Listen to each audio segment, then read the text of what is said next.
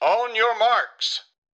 Get set! Välkommen till Maratonlabbet Vägen mot sub 3. I den här podcasten följer ni mig, Johan Forsstedt och Erik Olofsson på vår väg mot att springa maraton under tre timmar. I det här 20 avsnittet analyserar vi Stockholm Maratons nya bansträckning och lägger upp träningsplanen för sista veckan innan loppet.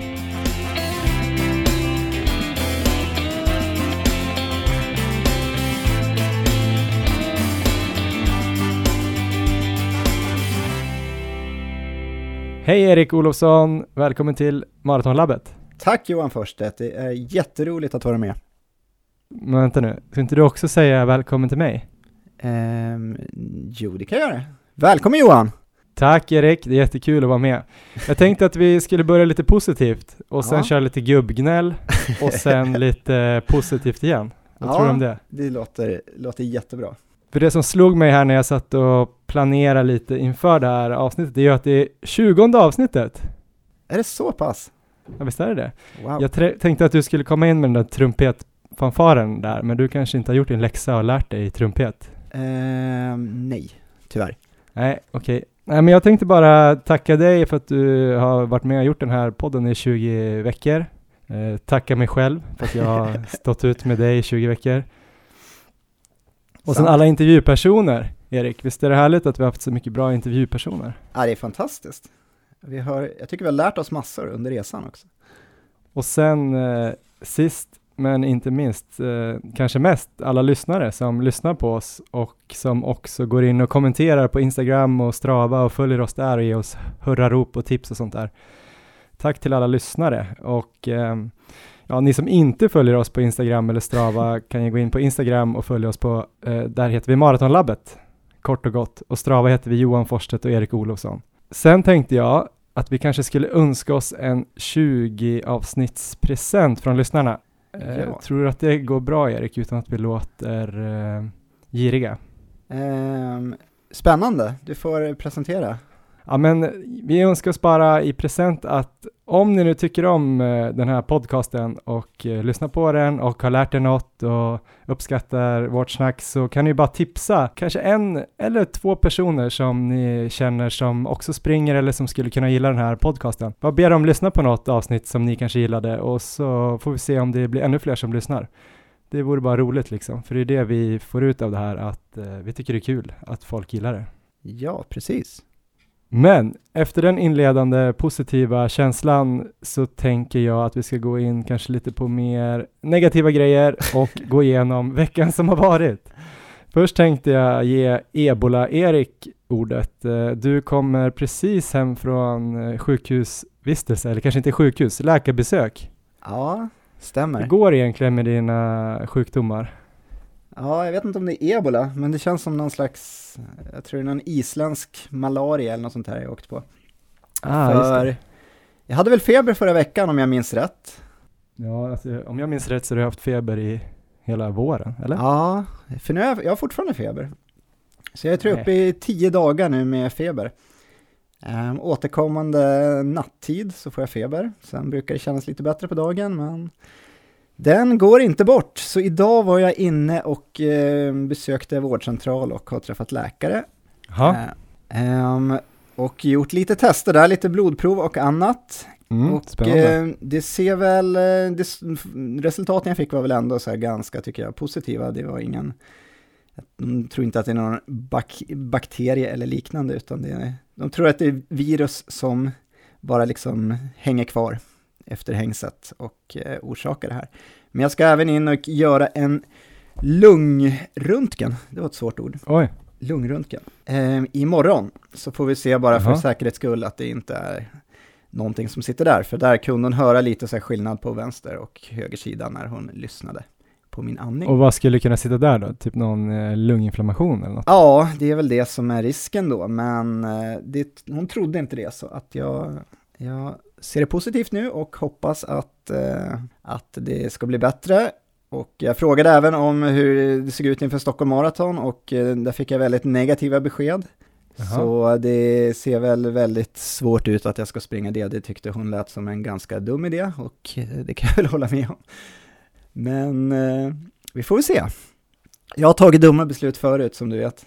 Ja, och med all respekt till läkare så det känns ju inte som att de jättegärna gillar att gambla. De har inte så mycket att vinna på att eh, råda dig att springa Stockholm Marathon. Snarare tvärtom. Det kan ju bara Ja. bli dåligt. Jag... Eh, om de säger att du ska springa och sen så kollavippar du. Ja, precis. Kollavippa, det är ju ungefär ett sånt här ord som man kanske använder om man är 70 år. Inte som jag, eller? Men, men Ja. du har däremot dragit på dig någon form av gubbskada här va? Ja, Jag har en gubbskada. Det kan Ja. vara gubbvad. Det vore ju mäktigt. Så fort man liksom är på väg att bli pappa, då får man eh, gubbvad. Ja, jag vet inte vad det var. Jag, det gick ju så himla bra på något sätt. Jag har ju varit i Köpenhamn och jobbat i 17-18 dagar under hockey-VM, som jag säkert har tjatat om, men jag lyckades springa ganska mycket. Jag gjorde bland annat ett 35 km pass förra veckan, men sen i lördags så sprang jag också, kanske om det blev 22-23 km, varav 15 km i 4.27 fart ungefär. Ja. Och sen 5 kilometer direkt på i 4.10 fart. Kändes riktigt bra i ungefär ett halvt dygn. För sen när jag vaknade dagen efter så hade jag plötsligt ont i vänster hälsena. Eller Ja. eventuellt precis bredvid vänster hälsena. Lite oklart om det är just hälsenan eller precis en punkt Är det något in mot fotknölen. känner igen sedan tidigare? Eller är det helt ny känning? Alltså jag har ju gått eh, med lite så här små stela hälsenor sen typ Stockholm Marathon 2015 och så har det varit bättre och sämre.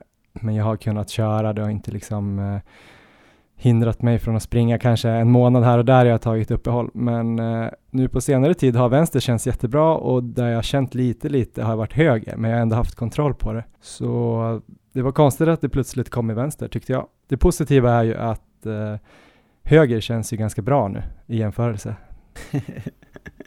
Precis. Så, eh, så får man väl tänka. Vi hade ett långt snack här, var det igår eller förrgår, där jag har dragit ner på din träning nu här fram till Stockholm.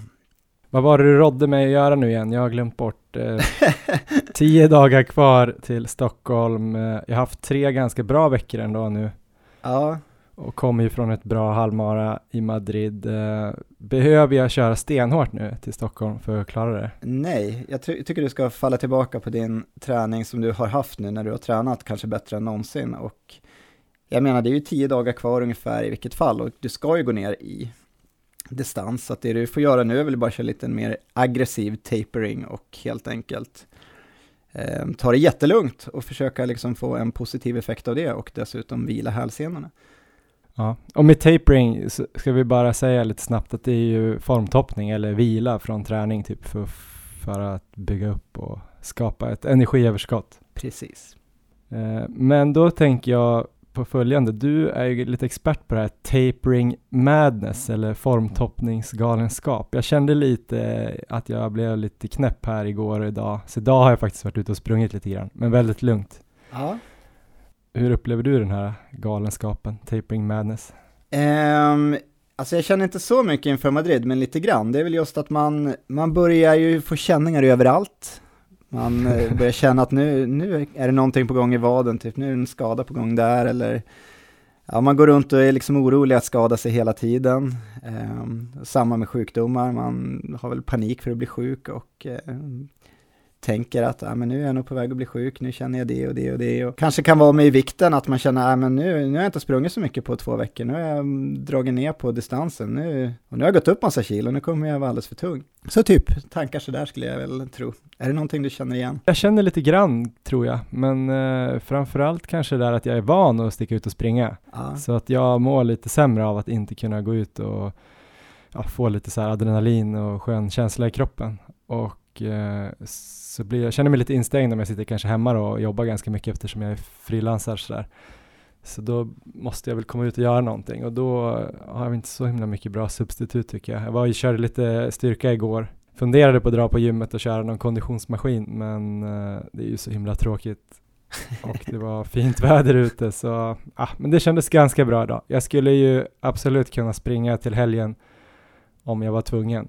Det jag inte vill ska hända såklart är ju att jag springer och det blir mycket, mycket sämre och jag får eh, vara tvungen att börja laddningen för Frankfurt med en lång vila, uppbyggnadsperiod. Det är väl mer det jag är rädd för än att jag ska kunna genomföra loppet på uh, den an- andra juni. det är väl lite gemensamt här för oss båda nu. Um, du ska ju inte gå för sub 3 och uh, alltså jag ska väl inte gå för sub 3 heller nu som det känns om jag nu mot förmodan skulle komma till start.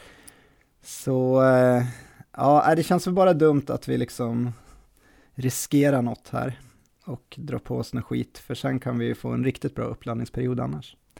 Ja, men vi kanske ska sluta gubbgnälla. ja, jag tror det. För att det är så himla trist för alla som ska springa Stockholm Marathon och lyssna på oss deppa jeppar som har massa problem. Jag kommer ju springa, det är 99% säkert i alla fall. Jag tror Erik kommer komma till starten ändå. Det gäller bara att du blir frisk nu de närmsta dagarna tror jag. Sen kommer ja. din tjurighet göra att du i alla fall springer. Men jag är lite orolig nu för första gången för att du inte ska kunna göra ett sub 3-försök. Annars kommer jag sitta i en så skön solstol någonstans på söder och eh, heja. Så jag kommer vara där i alla fall. Ja, det låter ju härligt. Men vi tänkte att vi i det här avsnittet ändå skulle låtsas som att vi ska springa stenhårt eh, Stockholm Marathon och för alla som lyssnar så här som ska springa Stockholm Marathon tänkte jag att vi skulle gå igenom banan lite grann idag. Mm, det är en ny bana i år jämfört med tid de senaste åren och eh, vi kommer snacka ganska mycket om banan så att ni kan följa med och visualisera Eh, banan och få lite tips vad man borde tänka på på olika ställen. Men först tänkte jag att vi skulle prata lite med Stockholm Marathons presschef Lorenzo Nesi. Han är också förbundskapten för långlöpning i Sverige. Vi startar igång hela det här segmentet med en intervju med honom och så kommer vi tillbaks efteråt. On your marks. Get set! Ja, men välkommen eh, Lorenzo Nesi, eh, förbundskapten för långlöpning och Eh, presschef för Stockholm Marathon.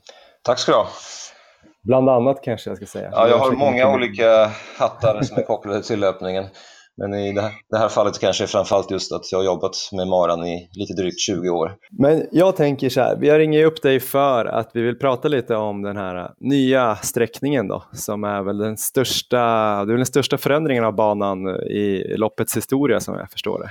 Det måste man säga, det var ju en stor förändring efter första året. Man startade ju faktiskt uppe på Gärdet premiäråret 1979 och hade ja, en avslutning som gick via Sveavägen, Sturegatan, Humlegården upp.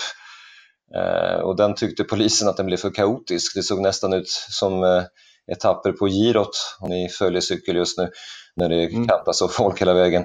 Så att 1980 bytte man ju till eh, den sträckning som i stort sett med lite små förändringar har gällt ända fram till i fjol. Och den här nya banan då, den stora grejen som man ser direkt är ju att det inte blir de här två varven på samma sätt. Även om det är några sträckor som man springer två gånger så är väl det den stora skillnaden och att man slipper Västerbron på ett, eh, en gång i alla fall. Men vad tycker du eller ni på Stockholm Marathon är bäst med den här nya bansträckningen? Ja, jag får ju poängtera att jag sitter lite externt så jag har inte riktigt varit med inne i järntrusten och eh, vare sig föreslagit eller eh, varit med och hört hur det planerades. Så att, eh, det jag säger är utifrån det jag själv hört i efterskott och ja, mina egna analyser av att ha sett banan. Eh, och det är ju ingen tvekan om att man har tagit väldigt stora grepp på att eh, förändra banan och just lämna den här klassiska tvåvarvsprincipen som du nämnde och kanske försökt hitta en eh, mer modern, eh, modernt utseende eh, av banan. Och det känns lite som man eh, hittar igen till rötterna för Stockholm Marathon som är Europas äldsta stadsmaratonlopp. Eh, och de rötterna kommer i sin mm. tur från New York. Alltså när New York hittade på att man skulle lämna en varvbana in i Central Park till att springa genom alla boroughs, som det heter på amerikanska olika stadsdelarna i New York, som blev ett mm. fantastiskt projekt som ingen trodde skulle fungera. Samma projekt gjordes ju då i Stockholm inför första loppet, att vi skulle springa genom stora delar av Stockholm. Och nu känns det ju ännu mer så att man verkligen markerar varje stadsdel genom banan. Om man skulle titta på den eh, rent prestationsmässigt då? Ja. så många som lyssnar på den här podden är ju ute efter att jaga liksom minuter och pers och sekunder. Och om man kollar lite på banprofilen då, eller man tänker höjdskillnad och sådär, eh, höjdmeter och eh, både stigningar och nedförsbackar, liksom, hur ser det ut jämfört med tidigare år? Jag har kollat lite på banprofilen men inte helt så exakt tydligt. Ja, man är nog kanske mer intresserad av tiden än att få en eh, stadsvandring som jag är inne på när man väl springer mm. loppet. Stadsvandring får man kanske ta någon annan gång än den 2 juni. Eh, och det är så att det har ju blivit det var redan innan en väldigt lätt inledning. Förut var det så att första fem kilometerna framförallt var väldigt lätta. Nu kan man väl säga mm. att första tolv är ju väldigt lätta. Uh, och det kan vara ganska lömskt, så alla jag har pratat med och de som jag tränar har ju verkligen uh, tryckt på att uh, man måste ha ännu större respekt än man har inför ett maratonlopp och ett så pass kuperat maratonlopp som Stockholm är. Eh, att inte ösa på för mycket i början, för det, det, är lömskt just detta att det, det är lätt. Det är egentligen ända tills man kommer till Narvavägen första gången. Eh, och, och, det är ungefär drygt en fjärdedel in på, på loppet. Eh, då har det varit väldigt lätt, så det kan ju gå väldigt fort fram dit. Men sen är det ju desto mer utmanande då framförallt någonstans fjärde milen eller 25 till 35 kilometer någonstans söder. Det nya sättet att springa genom söder kommer att vara en riktigt tuff utmaning och den tror jag att man bör vara förberedd på. Jag lyckönskar alla som redan har sprungit, eh, testat att springa banan på söder. Har man inte gjort det skulle jag säga det är nog en av de grejerna man ska göra om man bor i Stockholm eller här i Stockholm eh, före loppet. Spring de där 8-10 kilometerna som är på Söder så att eh, man lär känna eh, de där backarna. Där har du nya backar. Du har en backe upp från Slussen till Hornsgatan som Stockholm halvmaratonlöparna har fått testa på. Du har en backe upp från Stadsgården till Folkungagatan och sen har vi den backen som är halvny då på Lundagatan som är parallell till Hornsgatan. De tre tillsammans eh, innan man kommer till Västerbron är ju väldigt utmanande. Mm. Är det som låter där bakom dig? Är det någon fågel eller? Ja, det, våren har ju kommit till Stockholm. Så det är en kråka, den har nog varit här hela året. en obehaglig kråka. Eh, då har jag en extra fråga här som eh, jag tänkte på. Du som ja. tränare då, hur skulle du råda dina adepter att springa den här banan hålla igen första 12 där eller försöka liksom det, är det dummaste man kan göra i maraton är ju kanske försöka vinna tid tidigt. Eh, det avråds man ju, men eftersom det kanske kommer bli så långsamt där i slutet, hur tänker du taktiskt sett man ska lägga upp det? Alltså ett vanligt misstag är ju att man eh, är så inne på att titta på klockan. Och det här med vinna tid, det är klart, man vinner ju tid på en del av en sträcka som är flack eller till och med går lätt utför. Men det är inte så att jag kommer att säga att efter 10 km ska ni ligga x antal sekunder eller minuter före ert tänkta schema. Någonting sånt. Jag går ju väldigt mycket på att man ska lära sig en viss ansträngningsnivå. Mm. Att, eh, man, vi springer ganska mycket just i, i tävlingsfart. Ju närmare loppet vi kommer desto mer eh, löpning i tävlingsfart blir det, desto mindre löpning i andra farter, lägre farter och överfarter blir det. Eh, och då måste man lära känna ansträngningsnivån och det är klart, springer du flackt och nerför då kan du ju springa fortare i en ansträngningsnivå som fortfarande är maratonslag. Och kommer du till de här backarna som jag nyss nämnde, då måste du sänka farten. Jag kan ju som exempel säga att jag var på Göteborgsvarvet i lördags och trots att jag har sett lopp i 25 år och tränat folk i 20-25 år så blir jag lika förbluffad varje gång när man ser Eh, hur mycket adrenalin, eh, adrenalinet spelar roll i början på ett lopp. För nu såg jag till exempel andra, tredje, fjärde startgrupp. Göteborgsvarvet har ju många som helst, jag vet inte om det är 18, 20 eller hur många de är. Eh, folk som springer halvmaran på kanske 1.30, 1.40. Hur de attackerar den första backen i Göteborg efter två kilometer, Sällandsbacken. Vansinnigt fort, mycket fortare än vad folk som eh, är 20 minuter snabbare än de bör göra. Så jag fick ju lust att skrika till tusentals löpare, men lugna ner er, ni har 19 kilometer kvar, och det här är värsta backen på hela banan. Och det där måste man ha med sig eh, egentligen oavsett hur banan nu ser ut i Stockholm, att eh, man är, man är, humöret är ju på topp eh, och även nervositeten är på topp. Pulsen är ju 20-30 slag högre när du står vid startlinjen när du inleder en vanlig träning. Så det är så lätt att ryckas med och följa med och det känns så lätt. Det vanligaste svaret när man alltid frågar varför sprang du så himla fort? Du skulle inte springa så fort i början. Ja, men det kändes så lätt. Mm. Det ska kännas lätt. Det ska kännas lätt i 32 kilometer eh, helst mm. på några. Eh, och det, det, man måste ha handbromsen på i stort sett eh, i inledningen av ett lopp. Eh, men samtidigt ska man givetvis utnyttja att det går nerför, men det är ett lätt steg, hög frekvens och så vidare, när det går lätt nerför. Och sen ska man inte attackera med backarna när de börjar komma. Så Snarvavägen då, första rejäla uppförsbacken. Egentligen kommer första backen väldigt snabbt. Den kommer ju redan, nu ska jag upp för Odengatan från Stadsbiblioteket upp till Odenplan. Så där skulle jag säga är första gången. Ta det lugnt, korta ner steget, eh, lyft blicken och eh, attackera inte Odengatan när du har sprungit eh, en kilometer av 42. Det är ju helt vansinnigt. Utan njut av publiken och ta det lugnt. Mm. Men om man kollar lite grann, jag tänkte när vi har dig som eh, kunnig och även är duktig på, liksom, vad ska jag säga, du, du känner till löparna. Jag tänkte lite grann, förutom banan här då, det, startfältet i eliten tänkte jag att vi skulle prata lite snabbt med dig också.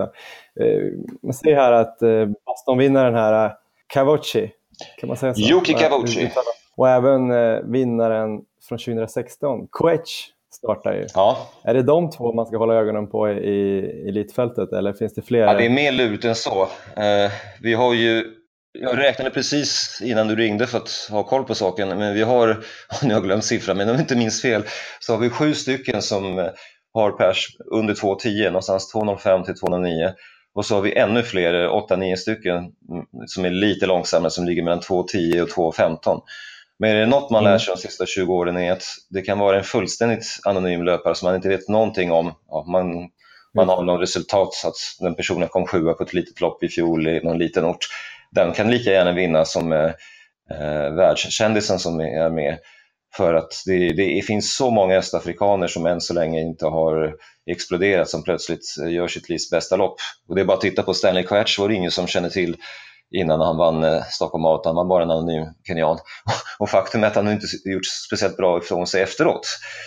Eh, Ja, så det enda som Coetch har som, som fördel tillsammans med Etiopien som heter Samuel Demi Getachew eh, är att de har sprungit Stockholm förut. Etiopien var tvåa i fjol. Eh, dock inte, de har inte heller sett nya banan men de lär vara medvetna om att det är en jobbig ockuperad bana.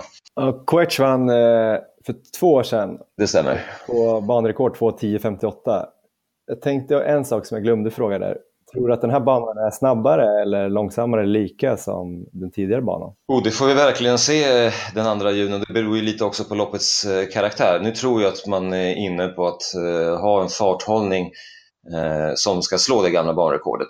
Och det såg vi även i, i ja, de två senaste årens lopp har ju haft en helt annan karaktär än tidigare år i Stockholm. Det vill säga att det var full fart från början och planerad full fart från början. Mm. Eh, Så var det inte fram till 2016. Och för motionärer då, är det en snabbare eller långsammare bana eller lika?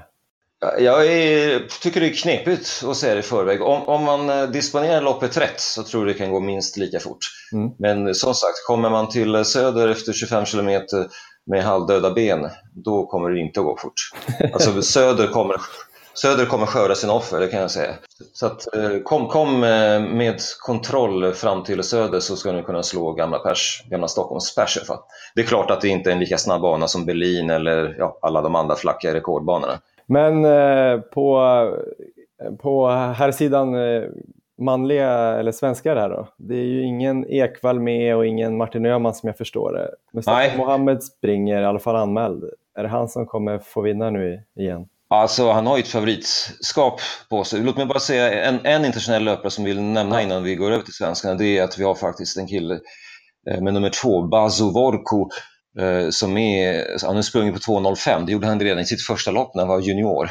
Oj. Sen har han varit väldigt ojämnt fram och tillbaks, men eh, han vann ett lopp i Houston i början på året som är ett, ett stort lopp. Eh, så jag, jag tror att löparen som har högst potential eh, i hela fältet, det är Bazo Vorko.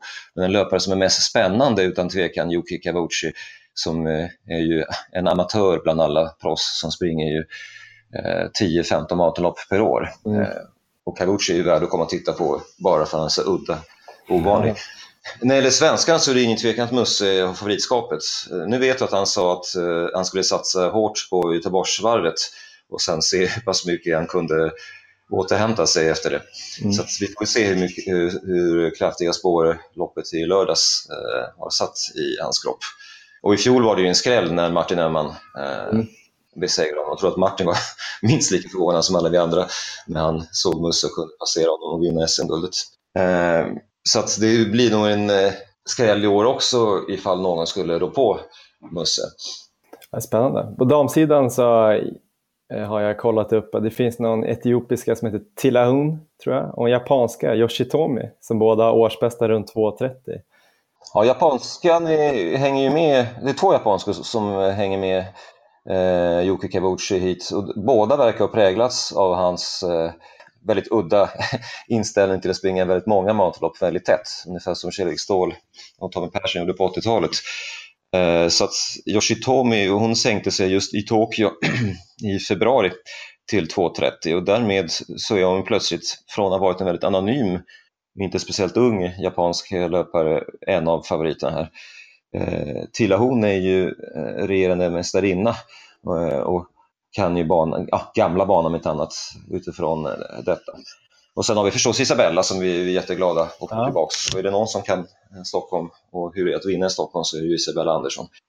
Mm. SM-guldet där, är det givet att Isabella kommer ta det eller finns det några fler? Jag såg Mikaela Larsson springer också. Ja, man, marginalen är väl ännu större mellan Isabella och eh, eh närmaste tjej som är väl helt klart eh, Mikaela Larsson. Mikaela var ju en lika, nästan lika stor skräll som Martin Öhman i fjol som eh, SM-vinnare, fast då var ju inte Isabella med.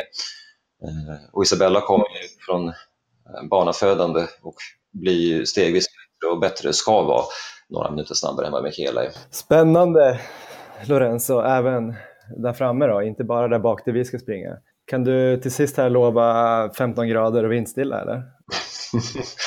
Nej, tyvärr. Eh, jag tycker tvärtom att man ska passa på när det är så här varmt att verkligen träna ner som varmast ifall det nu skulle bli eh, väldigt varmt även nästa lördag. Jag tycker att prognoser eh, 10-11 dagar innan är inte riktigt pålitliga men passa på att akklimatisera er i värme och träna. Vänta inte till sena kvällar och träna för att det är varmt utan tvärtom testa hur det är att springa i 25 grader i skuggan.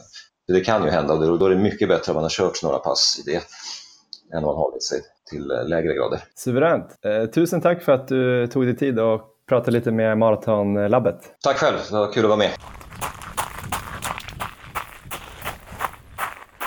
Ja men då är vi tillbaks Erik. Eh, det kändes som att jag fick ett scoop i intervjun där att Lorenzo Nesi har en tam kråka hemma. Eller hur? Alltså, verkligen. Det hade jag ingen aning om.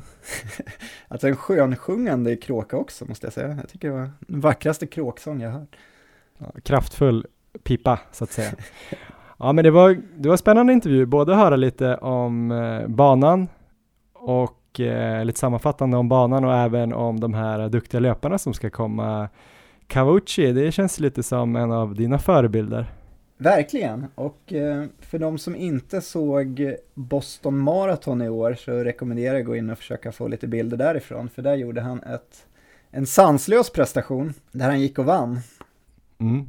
Jag tänker, han, du springer väl ungefär lika mycket marer som han? Du satsar också på att köra en mara var sjätte vecka eller vad det Ja, det är det jag börjar med nu, så kan jag hålla i det här komma till start i Stockholm så får vi se. Fast han verkar inte dra på sig så här isländsk malaria. Nej, han är ju, han är en badass, verkligen. Kul att se Isabella också tillbaks. Tänker ja, jag. verkligen. Hon, hon, har ju nog chans att vinna, kanske. Hon har ju den där japanskan och etiopiskan att slåss mot, men mm, det blir spännande. Man blev lite peppad liksom och nästan kolla på eliten istället för springa själv. Ja, det, jo precis. Det blir inte, fast ja, så får vi inte tänka. Vi måste fortfarande Nej. ha fokus.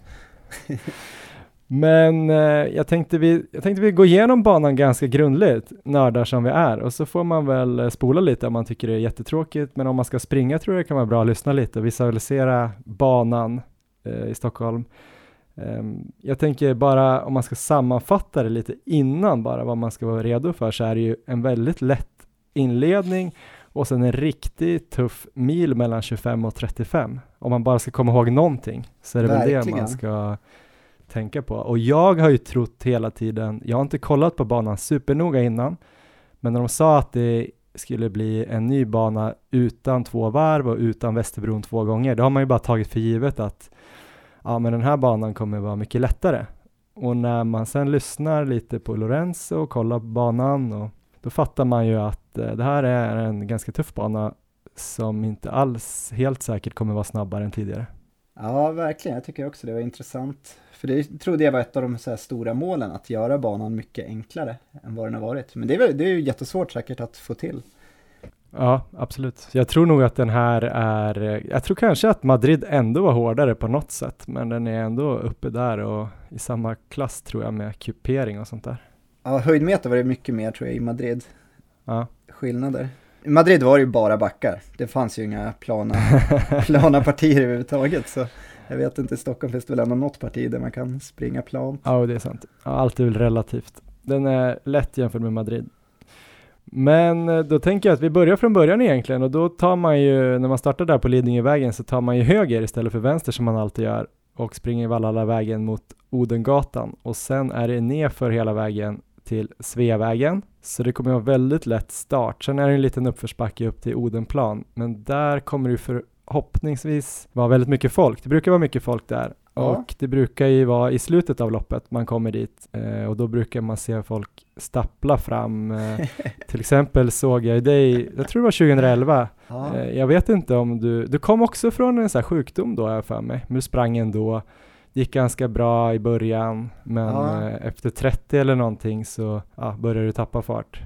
Eh, Jag var in, faktiskt inne och kollade på dina tider eh, och det gick inte så snabbt i slutet och som jag kommer ihåg dig så såg det inte jättefräsch ut. Jag kommer, ihåg, jag kommer ihåg när jag såg det där faktiskt, för jag tänkte att fan vad pinsamt, måste de stå här precis? För det kändes som jag gick typ. Men det kanske är därför det är så mycket folk på Odenplan normalt, för att den ligger där och att det är kul att se folk lida. Det kanske inte är lika mycket folk nu just där eftersom alla kommer vara så pigga, det är inte lika roligt att se på. Vad tror du? Nej. Nej, men det kan vara så. Nu kanske alla kommer sätta sig på uteserveringar på Narvavägen Ja, eh, där man kan se folk två gånger. Vi kommer dit sen, eller kanske någonstans på Söder där det verkar vara riktigt tufft precis. Jag tycker vi ska, vi ska ta med oss Lorenzos råd här, att speciellt alla nu som, eller ja, de som springer här, att spring med handbromsen i men utnyttja att det går nerför och spring med ett lätt steg och hög frekvens. För det kommer kännas lätt i början och eh, spring på men, eh, men gå inte för hårt i början. Ja, nej men det kommer vara lätt. Och sen eh, fortsätter man ju lätt ner mot eh, Kungsholmen där man springer delar av Kungsholmen runt banan sen. Man kommer över på Kungsgatan, gör en liten sväng och sen springer man ner på Hornsbergs strand bort mot det här lite nya området där nere vid vattnet. Där är det också väldigt flackt och fint. Svänger runt efter kanske 5-6 kilometer på Lindhagensgatan och springer in mot Rålambshovsparken och sen är det ju Norr Mälarstrand som man har sprungit förut eh, bort mot Stadshuset och det är väl egentligen inga konstigheter där, det är ju fortfarande väldigt flackt och fint. Däremot om det skulle blåsa mycket, jag har sprungit, när jag har sprungit maraton förut i Stockholm så har det alltid varit motvind på Norr Mälarstrand Ja, men det stämmer. och där är det ganska så här oskyddat. Så där om man då ska försöka hitta lite ryggar där tror jag, om det blåser mycket, så kan det vara ett bra, ett bra tips och eh, söka lite vindskydd för man sparar ganska mycket energi på det. Ja, jättebra tips. Men sen kommer man ju in där mot stan, kommer in där vid, ja men mitt i centrum där. Springer man, man springer förbi Kungsträdgården va, som vanligt. Ehm, ja. Eh, och in mot Norrmalmstorg där och där brukar det ju vara som mest folk nästan.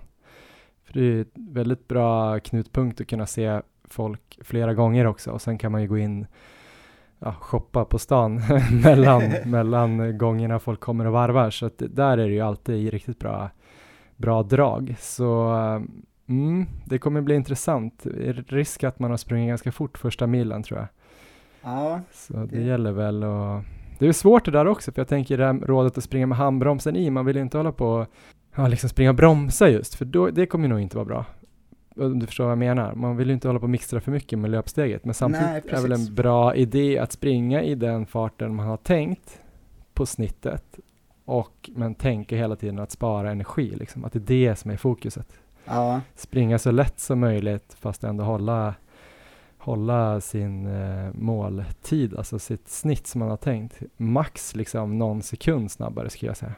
precis. Och eh, i nedförsbackar inte göra samma misstag som jag gjorde i Madrid och springa och bromsa. Utan istället liksom låta det flyta på och eh, det ska ju gå lite snabbare nerför och låta det liksom gå det utan att man spurtar nerför. Ja men sen efter eh, Kungsträdgården och sådär så kommer man ju ut på Strandvägen som alltid är trevlig. Där kommer man ju springa faktiskt tre gånger, varav två gånger åt ena hållet och en gång åt det andra hållet. Men första gången där kommer väl de som är lite långsammare kommer kanske möta eliten där. Förhoppningsvis kommer man själv ha hunnit springa förbi där, men eh, det kan ju vara lite kul. Då kan man ju kolla höger och se om man ser Quetch. Eller Isabella Andersson där i täten. Men sen kommer ju en lurig sträcka där man svänger upp från Strandvägen upp eh, ungefär vid Djurgårdsbron, men då tar man vänster upp på Narvavägen, upp liksom in i hjärtat av Östermalm där. Precis. Där tror jag att det stod att det var 600 meter med typ 3% slutning. Det låter ju inte så här jättemycket, men det kommer nog märkas, speciellt på andra, andra gången man kommer dit när det är ungefär 40 kilometer. Men vi Ja, kanske verkligen. kommer dit, men eh, redan här första så är det ju liksom, det är den första svårigheten eller vad man ska säga. Det är ungefär vid 12, 12 kilometer som de här uppförspartiet börjar. Just det. Och jag vet inte, i Madrid var det ju 2% slutning. Det var ju för sig typ 4 kilometer i starten. Och 2% så tyckte jag på förhand att det inte skulle vara så mycket, men jag märkte ändå att det är nog 5-10 sekunder snabb, eller långsammare per kilometer på samma känsla. Så 3% där får man nog, eh, om man vill springa 4.15 fart, så behöver man nog inte bli orolig om det går i 4.30 fart där ett tag. Precis. Sen är det väl inte så mycket konstigheter på det varvet. Man springer ju Karlavägen eh, västerut och så gör man en liten eh, sväng höger upp på Valhallavägen igen. Där springer man ju ganska som vanligt bort mot Djurgården och så är det vanliga, ungefär den vanliga Djurgårdsrundan. Jag vet inte om vi ska säga så mycket om det, men efter Kaknästornet om man går ut på själva ön på Djurgården så är det ju en liten uppförsbacke också. Ja, precis. Och är det några som inte har sprungit Stockholm förut, vad kan du berätta då om just det här partiet?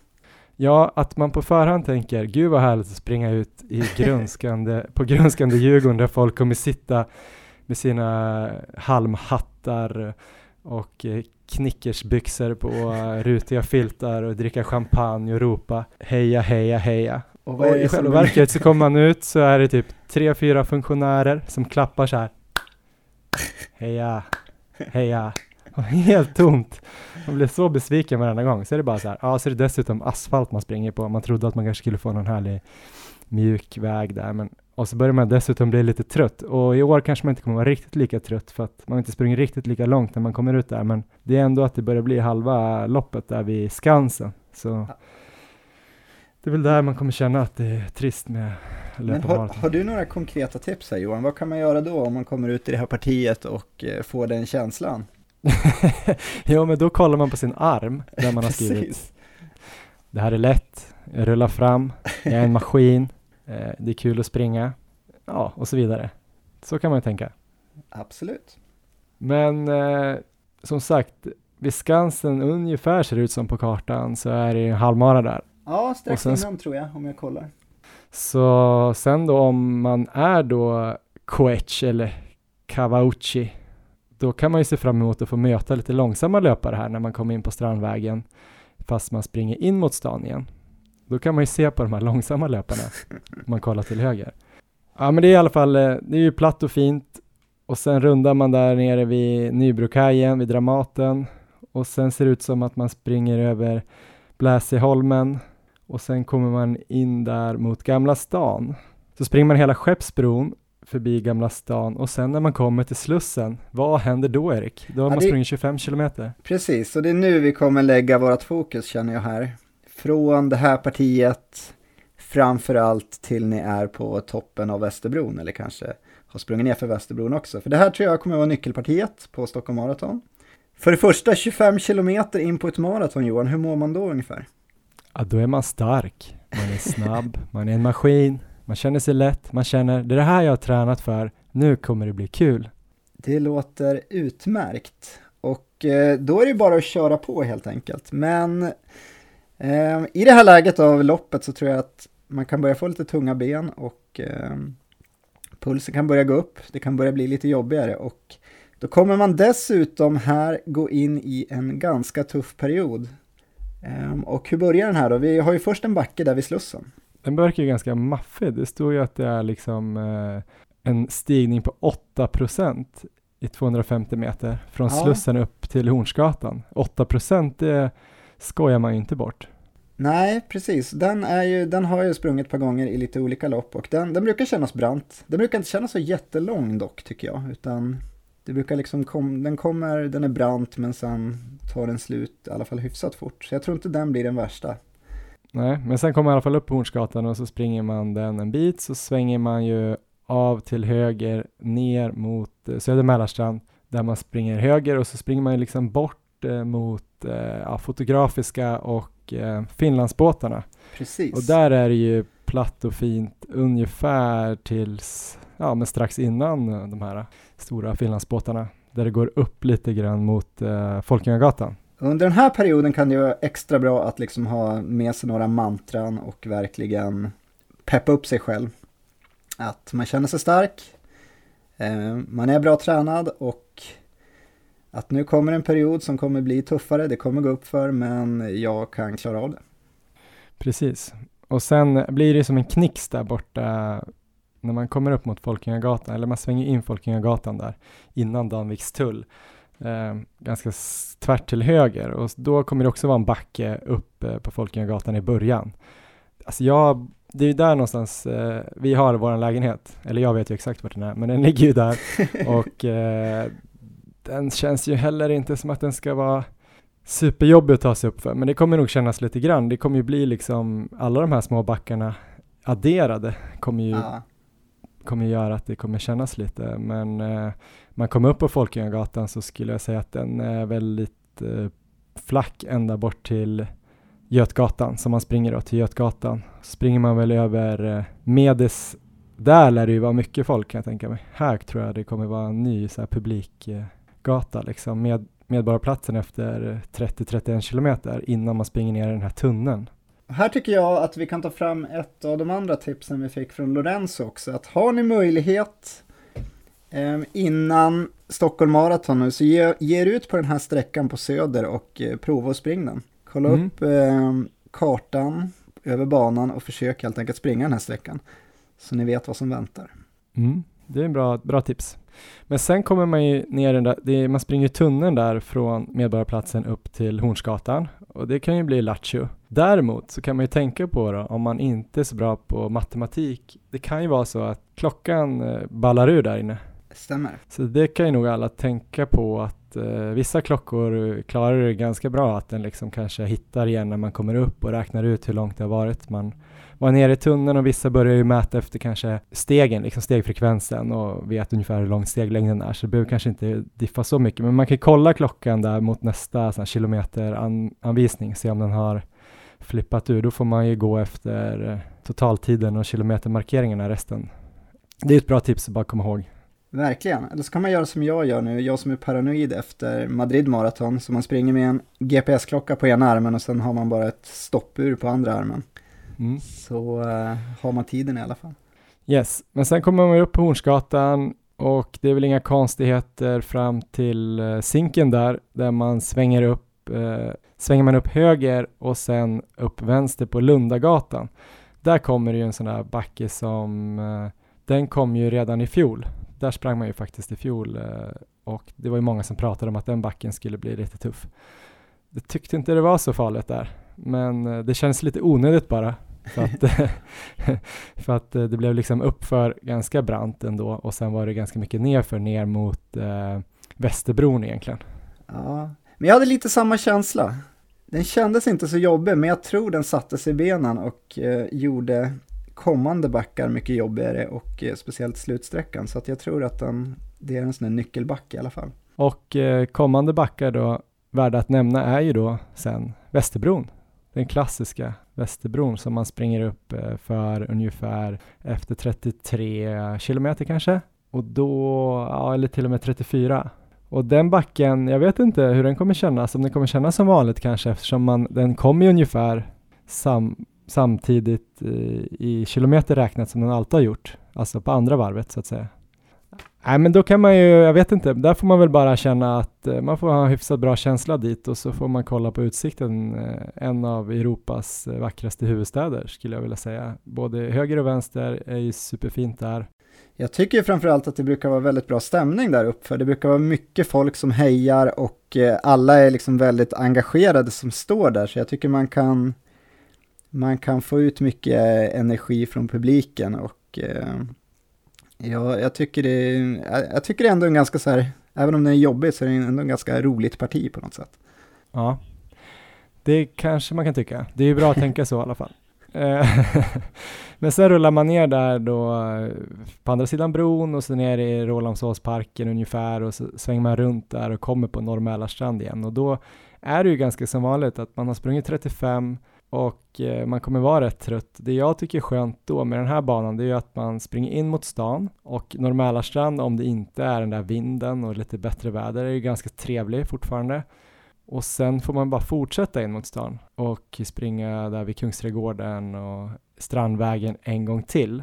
Det, det kommer mycket folk och det är ju platt. Så där ser jag ju att det kommer bli skönt att slippa springa upp eh, Vasagatan förbi T-centralen och sen den här jättetråkiga, jobbiga Torsgatan upp mot Sankt Eriksplan eh, eller Vasaparken.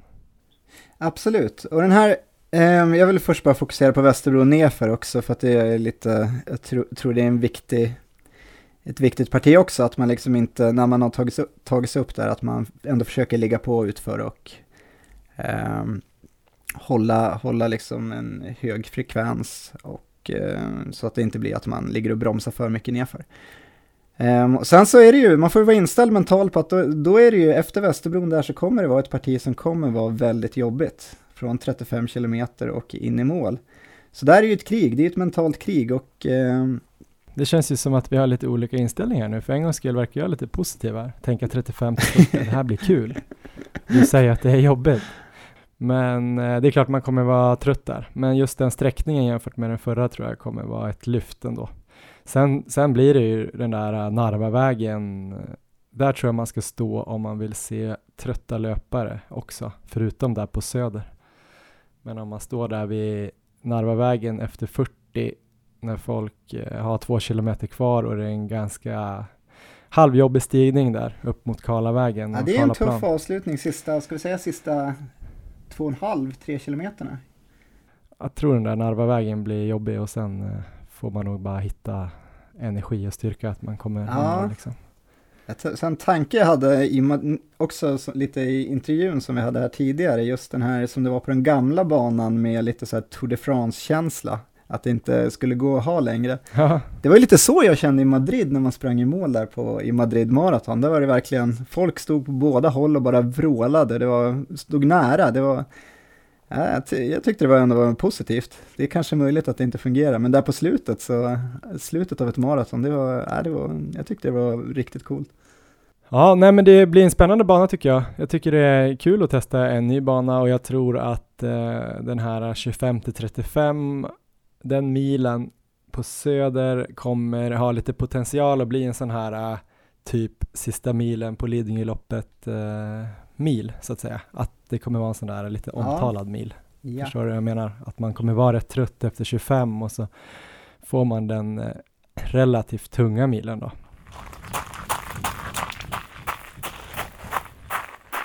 Men eh, kommer du komma till start Erik om vi blickar lite framåt?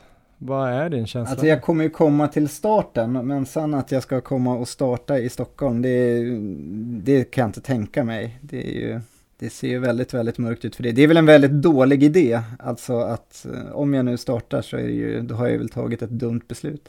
Sen så har jag ju tagit sådana dumma beslut många gånger tidigare. Till exempel, kommer du ihåg när vi var nere och sprang halvmaran förra året i Wien? Ja, då hade, då hade jag ju en period, jag var sex veckor innan halvmaran där. Då var jag väldigt bra tränad, då var jag i Thailand och tränade på löpan varje dag. Men sista dagen där i Thailand så skrapade jag upp undersidan på en stortå, alltså så att allt skinn i princip försvann.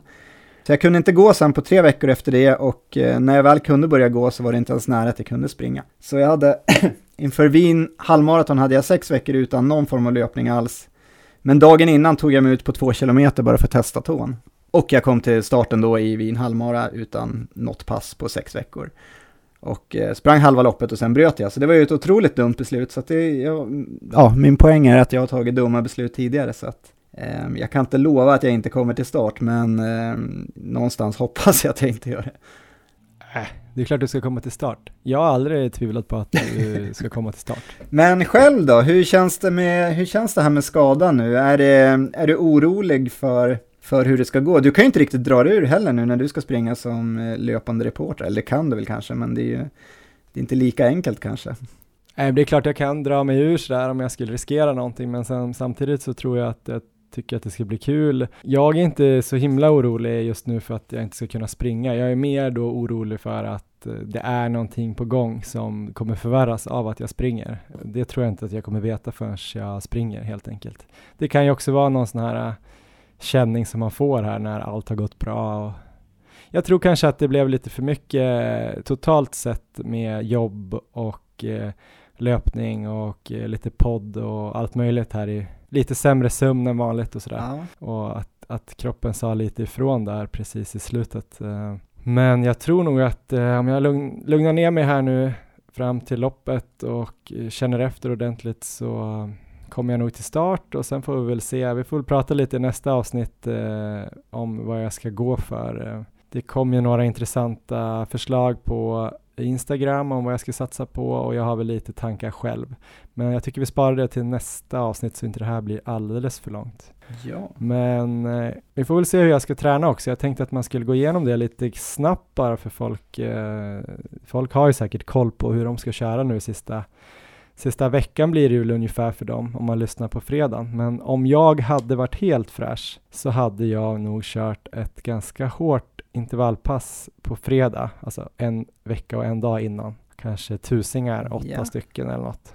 Och sen hade jag nog kört på på söndagen hade jag tänkt att köra kanske en timme i någon tänkt marafart för att testa lite vad jag ska köra där då. Kanske inte då 4.15 fart men någonstans lite långsammare och ja, men känna lite på känslan. Och sen tror jag nästa vecka, det kommer jag oavsett hur det känns, kommer jag köra måndag, onsdag, fredag. Ja. Eh, lättare löpning men ganska radikalt dra ner löplängderna, eh, ungefär med 50% kanske från vanligtvis. Så tanken där i måndag kanske bara typ en halvtimme, 40 minuter in, inom marafart och sen onsdag, fredag i princip ja, fem kilometers pass kanske. Ja.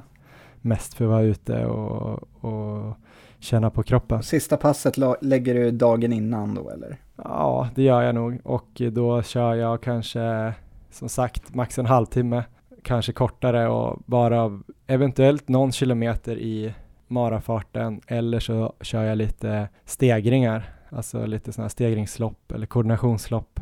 Kanske tre, fyra stycken bara för att få lite stuns i benen.